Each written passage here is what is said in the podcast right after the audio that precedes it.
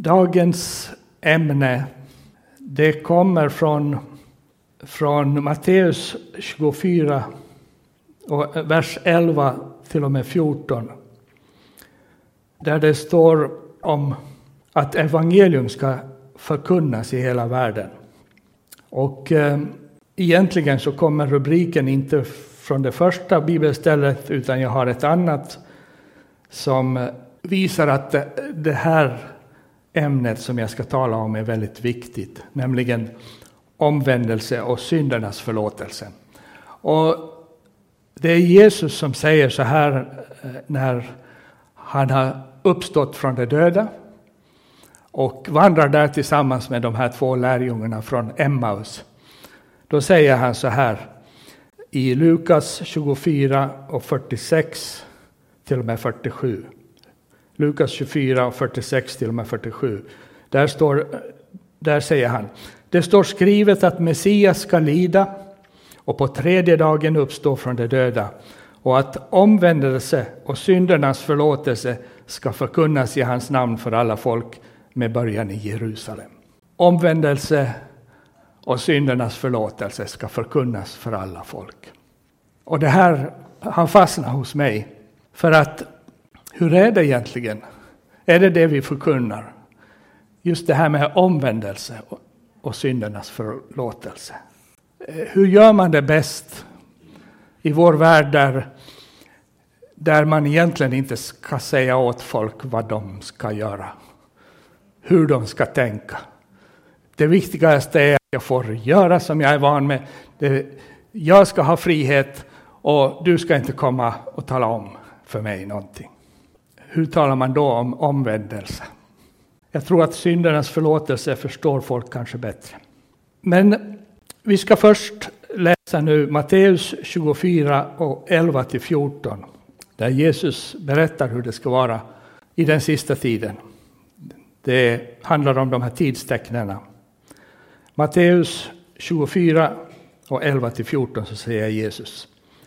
Många falska profeter ska träda fram och bedra många. Och eftersom laglösheten ökar kommer kärleken att kalla, kallna hos de flesta. Men den som håller ut i slutet ska bli frälst. Och detta evangelium om riket ska förkunnas i hela världen till ett vittnesbörd för alla folk. Sen ska slutet komma. Och om man läser noga här så ser man att Jesus pratar om två trender som kommer att finnas i den sista tiden i, i församlingen och i, i, i världen. Den första är det här med avfall, laglöshet och kärlekslöshet. Det här är alla sådana här saker som bäddar för, för den som också kallas för antikrists framträdande. Den laglöse. Och i, i, i den här kretsen av människor där avfall, laglöshet och kärlekslöshet löshet råder så är nog inte talet om omvändelse särskilt intressant. Jag menar, har man laglöshet så finns det ju inga lagar för hur man egentligen borde vara, utan man kan köra på som man alltid har gjort. Och det finns många människor som som, som är på något vis under inflytande av sådana här tankar. Och man menar att har man nu en tro så ska den inte heller påverka livsstilen. Tron är någonting liksom som man kan ha eller vara utan mer eller mindre. Men så finns det en annan trend i Guds församling. Och det är att den heliga, heliga ande verkar genom vanliga människor och evangeliet predikas och lärjungarna vinns i hela världen. Och de här lärjungarna ska lära sig att hålla allt som Jesus har befallt. Jag var på ett seminarium lördag för en vecka sedan. Så var det seminarium i Ekenäs med en man som heter Ayla Tasse. Han kommer från Kenya och han är med en av förgrundsfigurerna kan man säga i en rörelse som kallas för Discipleship Making Movement, alltså lärjungagörarrörelsen. Och den idén utgår ifrån missionsbefallningen att man gör lärjungar och lär dem att hålla allt som Jesus har befallt. Och man satsar liksom på det sättet att så fort någon läser ett ställe i Bibeln så ska man lära sig att fråga sig vad innebär det här för mig? Vad ska jag göra idag? Om det där stämmer som står i Bibeln. Och på det sättet så har man fått människor som också har, har läst missionsbefallningen på rätt sätt. Jesus säger gå ut i hela världen. Jaha, vad betyder det för mig? Jo, jag behöver vinna min granne. Och så startar man grupper och så läser man Bibeln på det här sättet och så gör man det som står i Bibeln. Långt innan man har fattat hela, hela det här sammanhanget. Man har inte hunnit veckla in sig i teologiska spetsfundigheter utan man läser Bibeln och man låter den på något vis påverka ens liv. Det var väldigt uppfriskande att få vara med på, på det här seminariet. Och, och jag hoppas att jag ska kunna läsa Bibeln också på det sättet. Liksom att, att det inte bara blir en teori som man håller någonting för sant, men eh, det har ingen inverkan på mitt eller andras liv. Så när vi talar om omvändelse och syndernas förlåtelse så är det så här att syndernas förlåtelse får man inte utan omvändelse. Därför att då fattar man ju inte ens att man ska be om förlåtelse för sina synder, för att man har ju liksom inte omvänt sig till någon, något annat sätt att leva. Och då, jag läser igen den här versen som jag läste först, från Lukas 24 till 46 och 47, där Jesus säger Det står skrivet att Messias ska lida på tredje dagen, uppstå från de döda och att omvändelse och syndernas förlåtelse ska förkunnas i hans namn för alla folk med början i Jerusalem. Och när vi går in på omvändelse, det finns som jag ser det två diken man lätt faller i när man pratar om omvändelse. En del menar att omvändelse det är liksom bara en, en, en sån lös term. Alltså, för Gud han älskar ju oss. Han älskar oss. Han kan säkert förlåta oss utan omvändelse. Det är det ena diket där man menar att egentligen det, det är liksom man tar emot Jesus och så fortsätter man i samma spår som man har gjort tidigare. Och det andra diket, det är när man eh, pratar om omvändelse på ett sådant sätt att man, tror, man, man får intrycket av att man måste leva ett felfritt liv. Först då kan man få syndernas förlåtelse. Förstår ni de här dikena? Det ena är att man behöver i princip inte omvändelsen och det andra är att man måste omvända sig så till den grad att ingenting är fel i ens liv, då kan man få syndernas förlåtelse. Men sanningen ligger inte i någon av de här två diken. I alla fall tror inte jag det. Ni, ni får pröva allt som jag säger för att jag läser Bibeln och så drar jag mina slutsatser som ibland kanske är bara mina slutsatser. Men så här tänker jag att omvändelse, det betyder innerst inne att man inser att den väg som jag går på, den leder till fördärvet och jag måste vända mig om. Jag behöver en frälsare, för jag kan inte ändra riktning själv. Jag måste vända mig till Jesus. Och Jesus, han kan rädda mig från den här olycksvägen som jag är inne på. Och I den meningen så är det ju väldigt viktigt med omvändelse för att få syndernas förlåtelse. Omvändelsen när man vänder sig till Jesus, man omvänder sig till Jesus. Syndernas förlåtelse. Om vi ska förstå vad vi menar med syndernas förlåtelse kanske vi behöver tänka lite på vad är synd för någonting. Därför att nästan alla sådana här begrepp i Bibeln får en annan, har fått en annan mening ute bland folk. Men det som Bibeln menar med synd, det är det här.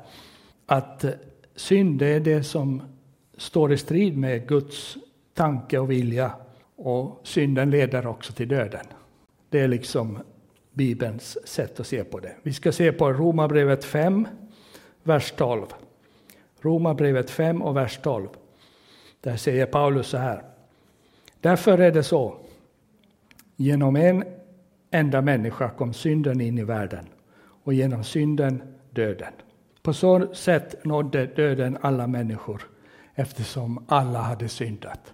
De slutsatser jag drar av det här är att Guds vilja, den är uppenbarad för oss. Gud har talat om olika saker i Bibeln genom sina apostlar och profeter och så vidare. Och att synda, det är att handla i strid med Guds vilja. Så där som Eva och Adam gjorde i Edens lustgård. Gud, han sa, ni kommer att dö, alltså ni är på väg åt fel håll. Ni kommer att dö om ni äter av den här frukten. Men de åt av frukten, handlade mot Guds anvisning, hans råd, hans bestämda beslut. De åt och så drabbades människor, mänskligheten av både lidande och död. Eh, vi som är här idag, vi, vi lider fortfarande av liksom det där första som hände den gången. Men när vi pratar om synd så finns det någonting fantastiskt också med det att även om vi alla har syndat så kan vi få förlåtelse för synden genom tron på Jesus. Vi ska se här i Romarbrevet 3 och 23-25 där det står Alla har syndat och saknar härligheten från Gud och de förklaras rättfärdiga som en gåva av hans nåd därför att de är friköpta av Kristus Jesus. Honom har Gud ställt fram som en nådastol genom tron på hans blod. Nådastol är ett krångligt ord, men det var det stället i det gamla tab tabernaklet där man offrade blodet för att försona, för att sona folkets synder. Det var ett försoningsställe. Och Jesus är vårt försoningsställe i Nya testamentet. Så att alla har syndat, det är också viktigt att veta. Det är ingen som kan säga att, det, att jag har inte syndat, för det har vi. Vi kan fortsätta att läsa i Romarbrevet 5 och vers 6 till och med 8. Så står det så här. Romarbrevet 5, vers 6 till 8. För när tiden var inne, medan vi ännu var maktlösa, dog Kristus i det ogudaktiga ställe. Knappast vill någon dö ens för en rättfärdig. Jo, kanske vågar någon dö för den som är god. Men Gud bevisar sin kärlek till oss genom att Kristus dog för oss medan vi ännu var syndare. Försoningsstället Jesus. Han dog istället för de ogudaktiga, istället för alla som har handlat mot Guds tanke och vilja. Det, det är liksom en, en väldigt stor sak att, att alla som tror på honom kan alltså få förlåtelse för sina synder. Alla som vänder sig till honom, alla som omvänder sig. Vi har alla syndat och kan, vi kan inte själva ta oss ur syndens grepp. Det är som om syndens vanor de fastnar och så gör man det fast man, till och med fast man inte vill. Alltså om man ska försöka rycka sig upp själv, det är som att lyfta sig i kragen. Om man vill upp ur synden med egen kraft, det enda som händer är att kragen går sönder. Så utan, utan, utan en frälsare så kommer vi inte upp därifrån. Det står att Kristus dog medan vi ännu var maktlösa. Det är helt och hållet han som ordnar den här vägen. Och han befriade inte bara den som tror från straffet för synden, utan jag tror att han dog för att också man ska kunna bryta med syndens makt i ens liv. Man får ett nytt liv som inte utgår ifrån den gamla människans krav, kroppens krav. Liksom att det är inte det som styr, utan det finns ett nytt liv. Vi kan läsa i Romarbrevet 6, vers 1 till och med 6. Romarbrevet 6, vers 1 till och med 6. Där det står, vad ska vi då säga? Ska vi bli kvar i synden så att nåden blir större? Verkligen inte. Vi som har dött bort från synden, hur skulle vi kunna fortsätta leva i den? Eller vet ni inte att alla vi som är döpta till Kristus Jesus är döpta till hans död? Vi är begravda med honom genom dopet till döden för att leva det nya livet, liksom Kristus är uppväckt från de döda genom Faderns härlighet. Vi, här, vi, vi tillämpar det, det som man kallar för bekännelsedop. Det finns andra namn på det också, men dopet det står att dopet är ett rent samvetes bekännelse till Gud genom Jesu Kristi uppståndelse. Första Petrus brev 3 och 21. Alltså i dopet bekänner vi att Jesu död och uppståndelse gäller i våra liv.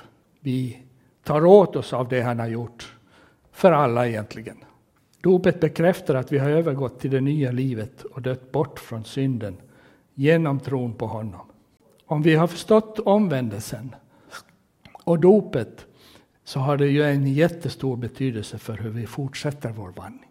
Alltså jag har dött bort ifrån det gamla livet och jag har uppstått med Kristus till ett nytt liv. Vi gör fortfarande, alla gör vi våra fel och vi stapplar och faller i synd, allt emellanåt. Men ändå så, om vi läser i skriften så det står att begären som kommer av synden i vår dödliga kropp, de begären behöver inte styra oss längre. Vi har kommit i en ny situation genom tron på Jesus. Vi är fria att varje dag välja den här inriktningen att leva för Gud och inte för mina egna begär. Att leva för Gud, det som han har tänkt. Och det leder i slutändan till någonting mycket gott, nämligen motsatsen till det som synden leder till. Synden leder till död, men omvändelsen och tron på Jesus den leder till evigt liv, står det faktiskt i Bibeln. Evigt liv. Och jag, jag, jag tror verkligen bokstavligt på det. Ursäkta om någon inte tycker om att jag tror bokstavligt, men det är många saker i Bibeln som, som inte fungerar om man inte tror på dem bokstavligt. Sen är det andra som det finns en viss tolkningsmån och man, vissa saker förstår man inte alls om man läser dem bokstavligt förrän man har förstått bakgrunden. Men det här, det här tror jag verkligen på att, att på samma sätt som Kristus inte kommer, med, kommer att dö, han har uppstått en gång för alla, så kommer jag uppstå till evigt liv. Om han inte hinner komma innan jag har dött. Nåja, vi går vidare med omvändelsen. Paulus sa i Apostlagärningarna i ett tal att det finns gärningar som hör till omvändelsen. Och I Romarbrevet skriver han då igen nu läser vi ett lite längre stycke. Romarbrevet 6 och 17 till och med 23 så står det så här. Men Gud vare tack. Ni var slavar under synden, men nu har ni av hjärtat börjat lyda den lära som ni blivit överlämnade åt.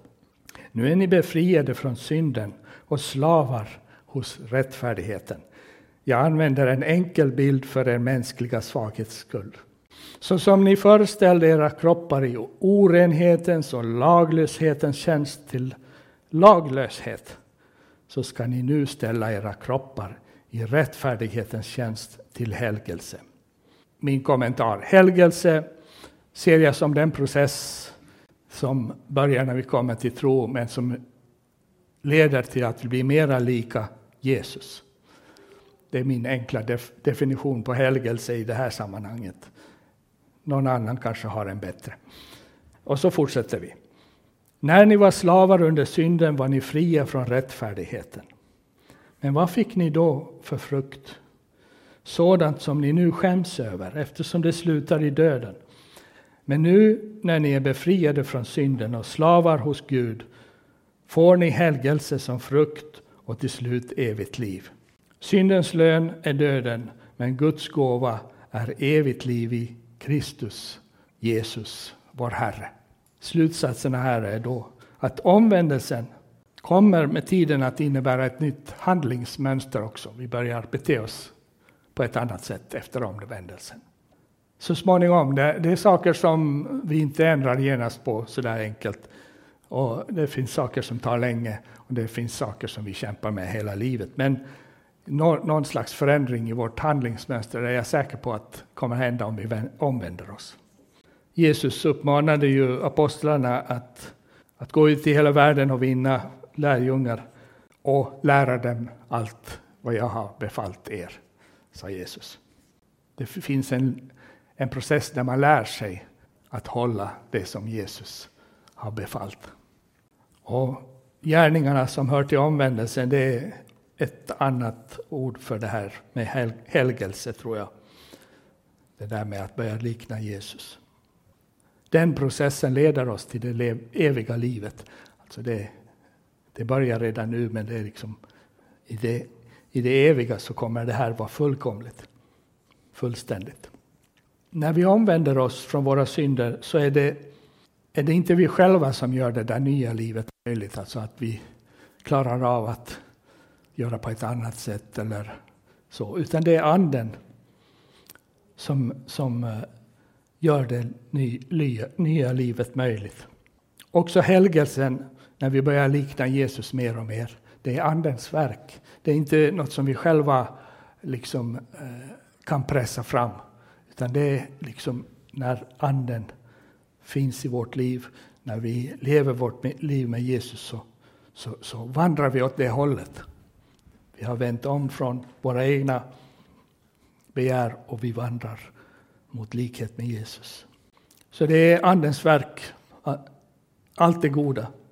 Men Paulus skriver ändå att vi, när vi går där med Jesus och vandrar efter honom, så kan vi välja vad som dominerar våra liv. Alltså det finns ett val att göra kanske varje dag. Det står i Galaterbrevet 5 och 16 till och med 25 så här, där Paulus också undervisas, undervisar. Vad jag vill säga är detta. Vandra i anden så gör ni inte vad köttet begär. Köttet söker det som är emot anden och anden söker det som är emot köttet. De två strider mot varandra så att ni inte kan göra det ni vill. Men om ni leds av anden står ni inte under lagen. Och lagens straff förstås. Köttets gärningar är uppenbara. Sexuell omoral, orenhet, orgier, avgudadyrkan, okultism, fientlighet, gräl, avund, vredesutbrott, själviskhet, splittringar, irrläror, illvilja, fylleri, vilda fester och annat sådant. Jag säger er i förväg vad jag redan har sagt. De som lever så ska inte ärva Guds rike. Andens frukt däremot är kärlek, glädje, frid, tålamod, vänlighet, godhet, trohet, mildhet, självbehärskning. Sådant är lagen inte emot. De som tillhör Kristus Jesus har korsfäst sitt kött med dess lidelser och begär. Och det är ju det som vi bekräftar i dopet. Vi har korsfäst vårt kött är, är, är dött och vi lever med Kristus. Och i Galaterbrevet 6 och 8 så skriver han vidare att den som sår i sitt kött får av köttet skörda undergång, men den som sår i anden får av anden skörda evigt liv. Och det är det här som jag menar att det finns ett sånt här val som vi kan göra varje dag. Att så i köttet, det är, det är ju helt enkelt att vänja oss vid, eh, liksom tillbaka med att göra det som våra begär kräver, som vår kropp kräver, medan anden leder oss till evigt liv. Och vi, vi kan välja mellan att följa köttet, den gamla människan, och att följa anden. Och det, det är det som är nytt när, när vi har kommit till tro på Jesus. Att vi har den här valmöjligheten. För att innan så var vi slavar under, under uh, köttet, vi var slavar under synden. Men nu är vi befriade så vi kan välja att göra det rätta. Och nu kommer jag in på någonting väldigt svårt för mig, som jag inte vet riktigt. Jag funderade ett tag att eh, kanske jag slutar här och så, så, det här, så får jag avrunda det. Men jag, jag, jag kom inte ifrån det här. Jag, jag, jag vill fortsätta och, lite grann och utveckla. Alltså i, i våra församlingar och, och i vår församling, ska vi nu ta den. Vi vill vara en öppen gemenskap. Vi vill att människor ska känna sig hemma när de kommer.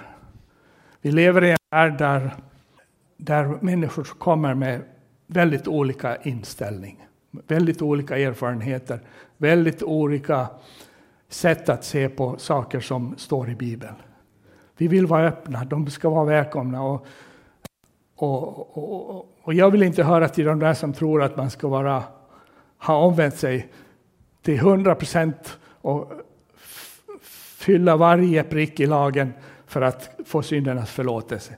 Nej, jag tror att vad vi kan demonstrera det är att, att Jesus välkomnar alla med alla problem. Och vi kan ge oss till, till, till, till Jesus med våra glädjeämnen, våra starka sidor, men också våra svaga sidor. Allt det där vill han ta hand om. Men hur ska man kunna, leva, hur kan, hur ska man kunna ta emot alla de här människorna? Hur ska, man kunna, hur ska vi kunna fylla vår eh, uppgift att gå ut och, och, och liksom ha den här kontakten med alla människor och välkomna alla människor? Och samtidigt på något vis hålla fast vid det här med omvändelse. Att det här säger Bibeln om olika saker. Det här är någonting att sträva efter. Hur gör man? Och, och, och det, det, är en väldigt svår fråga, särskilt i enskilda situationer när man sitter och diskuterar och någon kommer med en helt annan bakgrund än mig. Och ibland förstår man inte ens hur tänker den här människan. Men att jag vill läsa två, vad ska vi kalla det, någon slags exempel på hur man handlar i Nya testamentet. Eh, det första exemplet är i församlingen i Korint. Där det fanns ett fall där en man som tydligen rörde sig i församlingen. Han levde ihop med sin fars hustru. Och Paulus skriver till dem, han har en lång, längre utredning om sin syn på den saken. Och så avslutar han med det som står i första Korinter 5 och 9 till och med 13. I mitt brev till er skrev jag att ni inte ska umgås med sexuellt omoraliska människor. Jag menade inte alla omoraliska här i världen, inte alla giriga och utsugare och avgudadyrkare. Annars hade ni behövt lämna världen.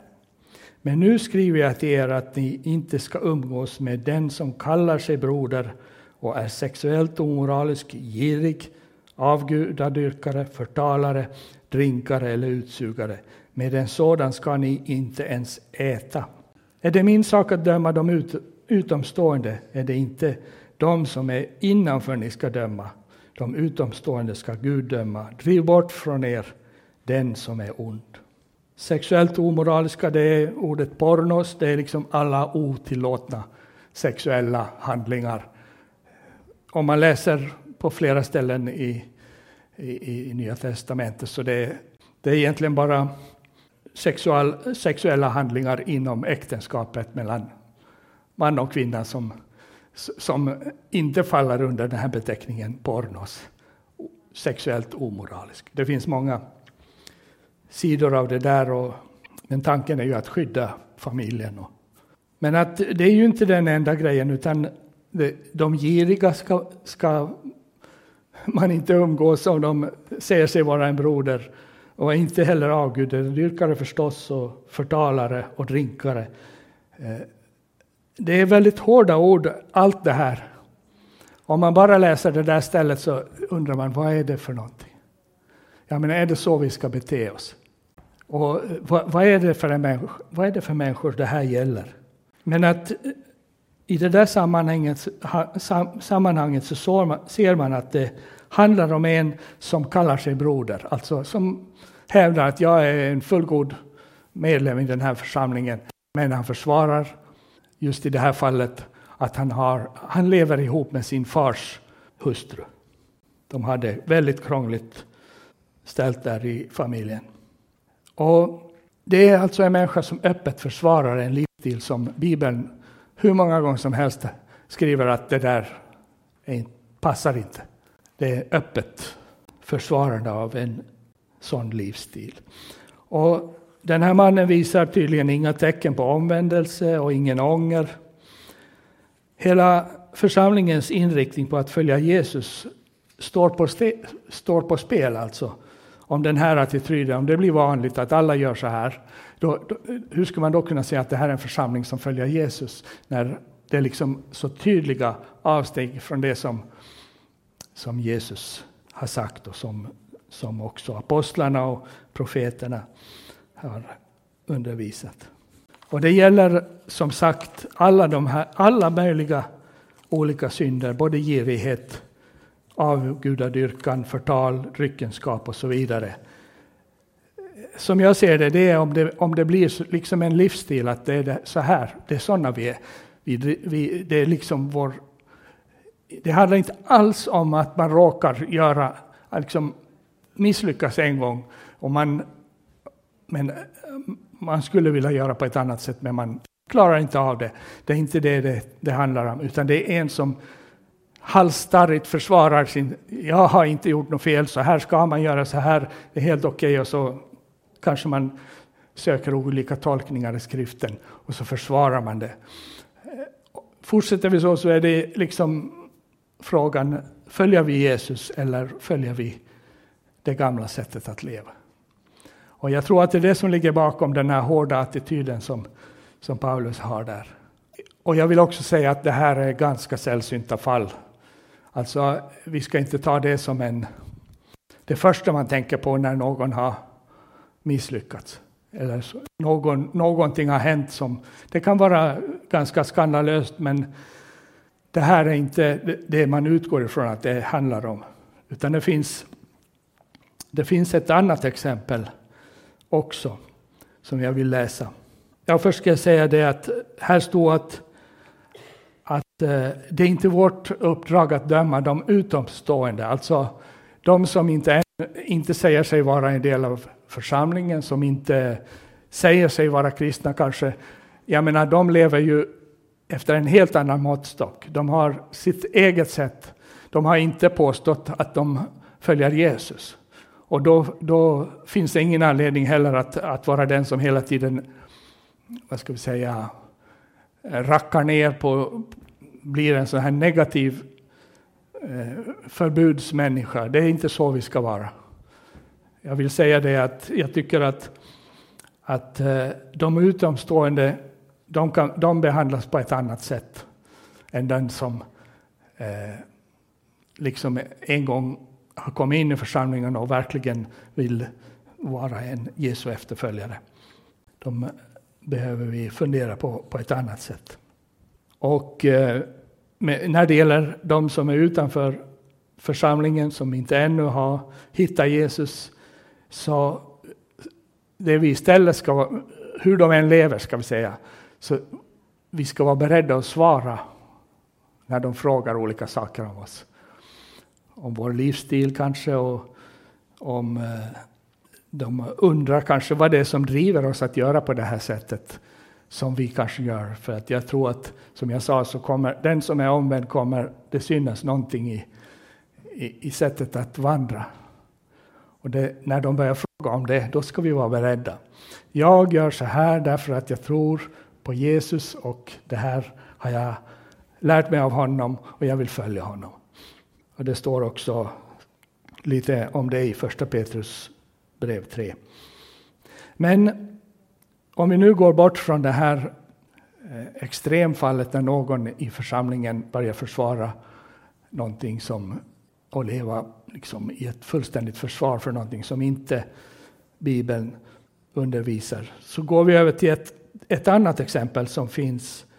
Alltså, vi, vi gör ju som jag sa, förr eller senare kommer både jag och, och du att göra felsteg. Vi kommer göra någonting fel. Det, det, det, det är liksom sånt som händer. Och vi har svaga områden där vi absolut inte klarar av att liksom genast följa Jesu exempel. Men eh, vi är under utveckling. Vi är alla, en del har sagt att församlingen är en, en verkstad. Där finns påbörjade arbeten, men de är inte färdiga. Och ibland vet vi inte om att vi gör fel. Det är ju också, och det tror jag är väldigt vanligt i dagens läge när människor kommer från en miljö där alla Heliga saker är normala och vi säger att det där är inte, det där är liksom inte enligt Bibeln och det där, de vet inte att det inte är det. Alltså vi, vårt samhälle är inte byggt på den kristna etiken och moralen som det var för några generationer sedan, utan nu är det fritt. Det är liksom alla influenser kommer. Och man kommer in i Guds församling, man kommer till tro, men man har ingen aning om att det här var ju inte så som Gud vill. Man, lär, man får lära sig efterhand. Och den som gör sådana här felsteg och misslyckas, som jag också gör, men inte försvarar det sättet att leva. En sån människa är det mycket lättare att upprätta utan att använda de här hårda nyporna som, som Paulus talade om i det förra exemplet. Vi behöver inte använda de hårda nyporna för en människa som oj, liksom, jag vet, det, var, det här var inte bra och jag gjorde det. Jesus, förlåt mig, hjälp mig. Hur ska vi då göra med dem? Jo, vi läser Galaterbrevet 6, vers 1 till och med 5. Galaterbrevet 6, 1 till 5. Bröder, om någon skulle ertappas med en överträdelse, då ska ni som är andliga människor med mild ande upprätta honom. Men se till att inte du också blir frestad. Bär varandras bördor så uppfyller ni Kristi lag. Och så lägger han till. Den som tycker sig vara något fast han ingenting är, han bedrar sig själv. Var och en ska pröva sin egen gärning. Då kan han ha sin stolthet för sig själv och inte jämföra sig med andra. Var och en ska bära sin egen ryggsäck. Sin egen ryggsäck. Vi har våra ryggsäckar som gör att vissa saker är svåra. Jag vet om en del saker som jag har i min ryggsäck som gör att jag är långt ifrån framme där jag skulle vilja vara en, när det gäller att följa Jesus och likna honom. Jag blir lätt irriterad när jag är trött. Jag, jag har ibland ett hetsigt temperament. Jag vet att det är inte någon helig vrede alla gånger när jag blir vred. Bara för att ta ett exempel. Och detsamma gäller på många andra områden. att Nu är det saker som, som, som på något vis genom kanske vår, vår läggning eller vårt sätt att det vi har varit med om kanske är svårare att hålla sig till än, än andra. Men de här, vem det än är och vad det är som har hänt, så vi ska upprätta varandra. Det, det är därför vi finns i församlingen, för att hjälpa varandra. Upprätta med mild ande, står det. Det är ingen sån här pekande. Det där var illa. Ungefär som man säger till hunden när de har gjort något på mattan som de inte ska göra. Utan det är liksom mild ande. Man utgår ifrån det här förstod du att det här var liksom... Förstår du att Bibeln säger så här? Att, hur tänker du? Och ja, då kan det vara så att den människan inte ens har vetat att ja, det, det där står ju faktiskt i Bibeln. Ja, ja, ja. Och så får man vända sig till Jesus och be om förlåtelse. Jag hade flera andra bibelställen, men att ett var från tidigare, men jag var tvungen att förkorta det. Ett var från Johannes evangelium som säger att, nej, första Johannesbrev tror jag det, om vi bekänner våra synder är han trofast och rättfärdighet så att han förlåter oss våra synder och renar oss från all orättfärdighet. Och det, det kan vi tillämpa när det har gått lite snett. Eller när, när inte den där, vad ska jag säga, inte den där eh, man har inte vänt sig bort från Jesus utan det är bara så att man klarar inte livet. Man, man är inte där man skulle vilja vara än. Jag vet inte om det här på något sätt har talat till någon men att först när jag började med det här så tyckte jag att det här var ett trevligt ämne och jag var inspirerad. Så när jag kom till hälften så insåg jag att det finns många komplicerande saker i det här med att omvända sig och få syndernas förlåtelse och vad som faller under förlåtelsen och vad som... Så jag, jag faktiskt försökte be Herren att kan du nu inte ge ett annat ämne åt mig? Jag kan nog börja om med en ny predikan, men han gjorde inte det utan han på något vis så hängde det här kvar och jag hoppas att, att det faktiskt var ett budskap till oss här idag från Herren. Det är i alla fall min önskan.